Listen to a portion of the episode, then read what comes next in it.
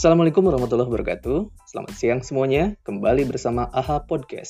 Episode kali ini kita akan membicarakan mengenai kedudukan bahasa Indonesia. Bahasa Indonesia berkedudukan sebagai bahasa nasional dan bahasa negara. Bahasa Indonesia ditetapkan sebagai bahasa nasional pada tanggal 28 Oktober 1928, bertepatan dengan Sumpah Pemuda. Hal itu jelas terlihat dalam poin ketiga Sumpah Pemuda. Kami, putra dan putri Indonesia, menjunjung bahasa persatuan bahasa Indonesia. Sejak saat itu, bahasa Indonesia ditetapkan sebagai bahasa nasional. Nah, sekarang sejak kapan bahasa Indonesia ditetapkan sebagai bahasa negara? Jawabannya adalah pada tahun 1945. Itu tertuang dalam Undang-Undang Dasar 1945 bab 15 yang bunyinya bahasa Indonesia adalah bahasa negara.